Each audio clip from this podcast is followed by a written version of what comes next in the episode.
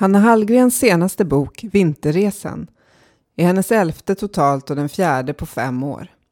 De tre senaste samlingarna innan den här, Prolog till den litterära vetenskapsteorin, Det som övar annorlunda likt ett hjärta samt Ett paradis fastän förtorkat, bildar tillsammans en triptyk och både form och omfångsmässigt liknar Vinterresan de böckerna.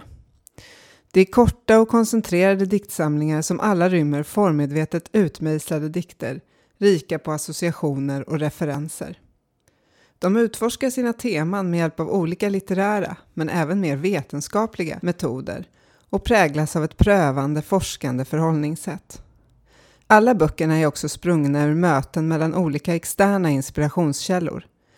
Det kan vara några rader ur en annan dikt, intryck av ett annat konstverk eller det vetenskapliga förhållningssätt som Hanna Hallgren som forskare ägnar sig åt att kombinera med ett litterärt skapande. I den nyskapande och djupt berörande samlingen Prolog till den litterära vetenskapsteorin har en far nyss gått bort och boken prövar olika sätt att hantera sorgen. Litterära grepp, kvantfysiska funderingar, vardagsskildringar och minnen. Tematiken i boken efter det det som övar annorlunda likt ett hjärta, rör sig kring krig, död och kärlek och har sin grund i ett diktcitat av Ingeborg Bachmann samt ett möte med den palestinska poeten Somaya El-Sosi. Ett paradis fastän förtorkat kretsar mycket kring ordens och språkets möjligheter och den samlingen innehåller citat från 17 andra verk eller poeter, inklusive Hallgren själv. Vinterresan liknar och har beröringspunkter med alla dessa tre diktsamlingar. Vinterresan är 50 sidor lång. Själva dikten ryms dock på enbart 15 av dem och den är indelad i tre delar. Den är inspirerad av Elfriede Jelineks läsdrama Vinterresa men också av Franz Schuberts och Wilhelm Müllers romantiska sångcykel med samma namn.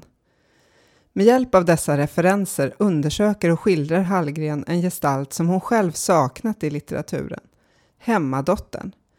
Kvinnan som aldrig gifter sig utan istället stannar kvar hos och tar hand om föräldrarna på äldre dagar. För Hallgren är hemmadottern en förbisedd gestalt som trots sin osynlighet i historieskrivningen ändå givit ett citat slags kraft och ljus i slutet av kärnfamiljens tunnel, slutcitat, och visat att det citat fanns alternativa livsvägar. Slutcitat. Vinterresans omslag är stilrent och ger inga självklara ingångar till verket. Möjligen kan dess kalla ljuslila ton ge en association till titelns vinter och de svarta skuggorna ses som grässtrån som böjer sig i vinden. Att boken i enlighet med sin titel rör sig i en symbolisk vinter i det slags efteråt där sommarens upphetsning och blomning byts mot eftertanke och vila, eller där ett liv går mot sitt slut, blir också tydligt vid läsningen. Liksom i Wilhelm Müllers sånger har något uppenbarligen gått förlorat, om så bara möjligheten att omskapa livet till något annat än det blev. För trots att Hallgren skriver fram en vacker och ömsint relation mellan en mor och den dotter som tar hand om henne, så finns i texten en underliggande oro, en tvekan kring känslorna rörande såväl relationen mellan mor och dotter som de val de två personerna i den har gjort. Citat. Jag blev kvar hos min mor. Slutcitat, säger dottern. Men texten är inte entydig i värderingen av detta faktum. Var det bra att det blev så eller inte? Var det överhuvudtaget ett aktivt val att stanna kvar? Det är tydligt att dikten vill lyfta och även hylla denna förbisedda tvåsamhet, men den osäkrar den också. Ofta genom att mitt i de mest ömsinta avsnitten föra in ett ord eller en mening som stör den övriga texten. Citat. Dottern omfamnar och håller moden och stryker henne över håret, försiktigt som musik kan vara. Den sorts ömhet som lever sitt eget liv mellan askfärgade hår. Deras kroppar slår, kysser hår och mun. Slutcitat. Som läsare vaggas jag här in i det vackra, men ryggar onekligen tillbaka när ordet slår plötsligt dyker upp bland försiktigt, ömhet och kysser. Vad avses egentligen? Finns det också ett våld mellan dessa kroppar som står varandra så nära? Och var i består i så fall det våldet? Ju mer jag läser, desto mer ser jag av den laddning som finns i relationen mellan mor och dotter. Den är stundtals erotisk, stundtals nästan hotfull och oftast sig själv nog på ett sätt som annars brukar förbehållas beskrivningar av den romantiska kärleken. Citat. Jag skriver på läpparna så att de smakar av ditt namn. Djup metall, röd sötma. Jag vet inte vad som smakar godare än du. Kunde jag älska dig mer när jag är din för hela livet? Slutcitat. Förhållandet är alltså innerligt, men också isolerat. Mor och dotter tycks leva sitt liv ensamma och andra människor skymtar bara på avstånd. Diktjaget markerar dessutom mot omvärlden genom att beskriva dem som valt ett annan sorts liv på ett minst sagt osmickrande sätt. Citat. Vissa människor skulle aldrig stanna hos sin mor. Vissa människor förverkligar sina drömmar och drömmer om att förmera, förvärva, förlösa och öser över sig själva sin gummibandstid. De går i parkerna med käppar, slår undan hundarna. Vissa människor skär sönder den röda tråd som livet en gång träddes på, knutorna in i en moders öga. Slutcitat. Det är lätt att stå på diktjagets sida i resonemanget, men det finns något obehagligt i uttrycket vissa människor som gör att jag ändå tvekar. Vems verklighet är det som skildras? Vilka perspektiv är det vi inte får se? Det är framförallt dotterns röst vi hör i samlingen och texten solidariserar sig med hennes val, eller öde, att inte själv få några barn. Men dikten talar också nästan oavbrutet om tiden, om en rädsla för att den ska ta slut. Är det kanske moderns röst vi anar här? Eller bara den del av dottern som ändå tvekar? Citat. I väntan på längtan går tiden. Slutcitat, står det. Och lite senare, citat. En dotter ger framtiden tillbaka. Tiden sträcks i förklädesfickan. Slutcitat. Och en dotter har ju modern uppenbarligen fått. Men en dotterdotter då? Om ingen sådan kommer har man väl bara skjutit upp tidens avslutande. Citat. Det finns inget vackrare än en mor och en dotter som aldrig fick några barn. Slutcitat. Slår texten fast, nästan som en besvärjelse. Men vem är det egentligen som tycker så? Hanna Hallgrens böcker är sällan långa, men de bör i gengäld läsas många gånger. Det gäller kanske i synnerhet Vinterresan. Jag får en känsla av att texten både vill föreslå olika förhållningssätt till världen och osäkra dem. Både leda läsaren vid handen och provocera fram reaktioner. Texten vill tänka tillsammans med oss som läser och den är genuint intresserad av vad vi kommer fram till. Och om vi tar oss den tid som krävs och varför inte också pratar med andra om läsningen så ger Hallgrens dikter mer tillbaka än de flesta. Det vardagliga, ofta kontrasterat mot de stora religiösa eller kosmiska sammanhangen, har även i tidigare verk av Hallgren haft stor betydelse. Hon återkommer gärna till vissa ord som hon laddar med olika betydelse i sina böcker.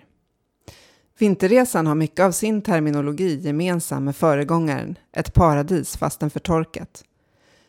Ord som gräs, fjärilar, träd, ja till och med hela meningar. Även det som över annorlunda likt ett hjärta är citerad, bland annat genom omkvädet I väntan på längtan.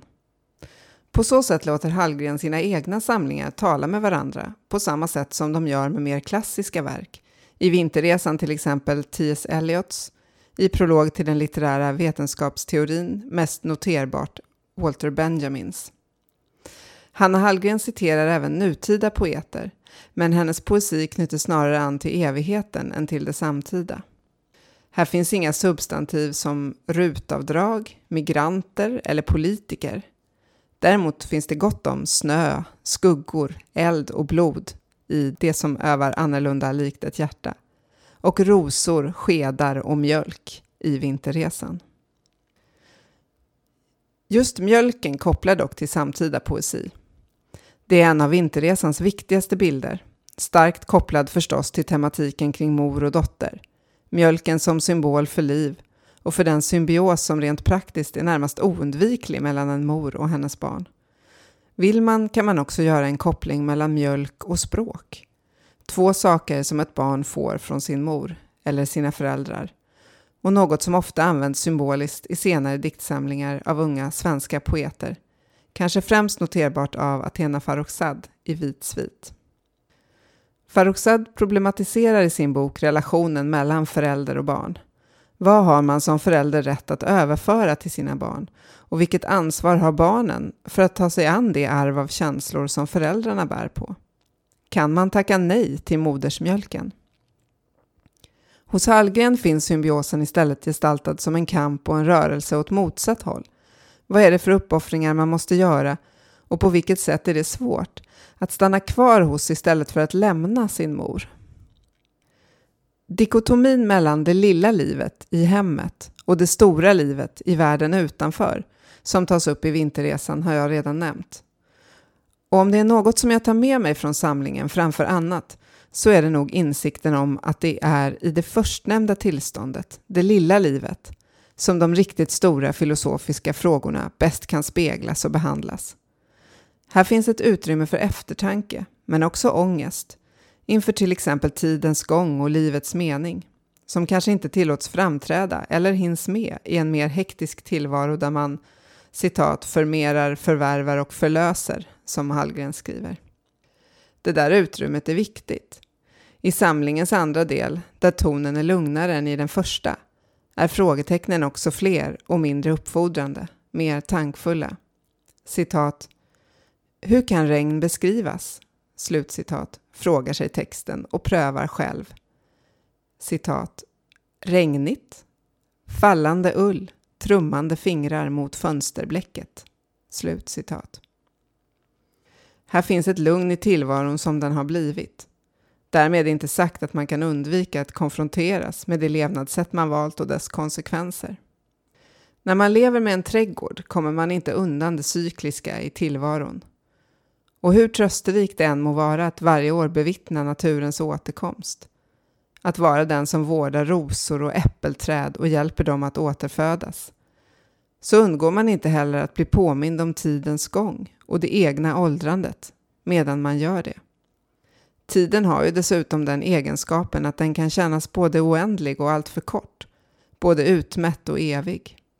Eller som dikten frågar, citat, hur kan vi säga det var länge sedan när allt är nu? Slutcitat. Att fundera kring frågor om människans egen dödlighet och livsval är alltså sist och slutligen det som Vinterresan sysslar med. Den gör det med hjälp av Hanna Hallgrens främsta kvaliteter som poet.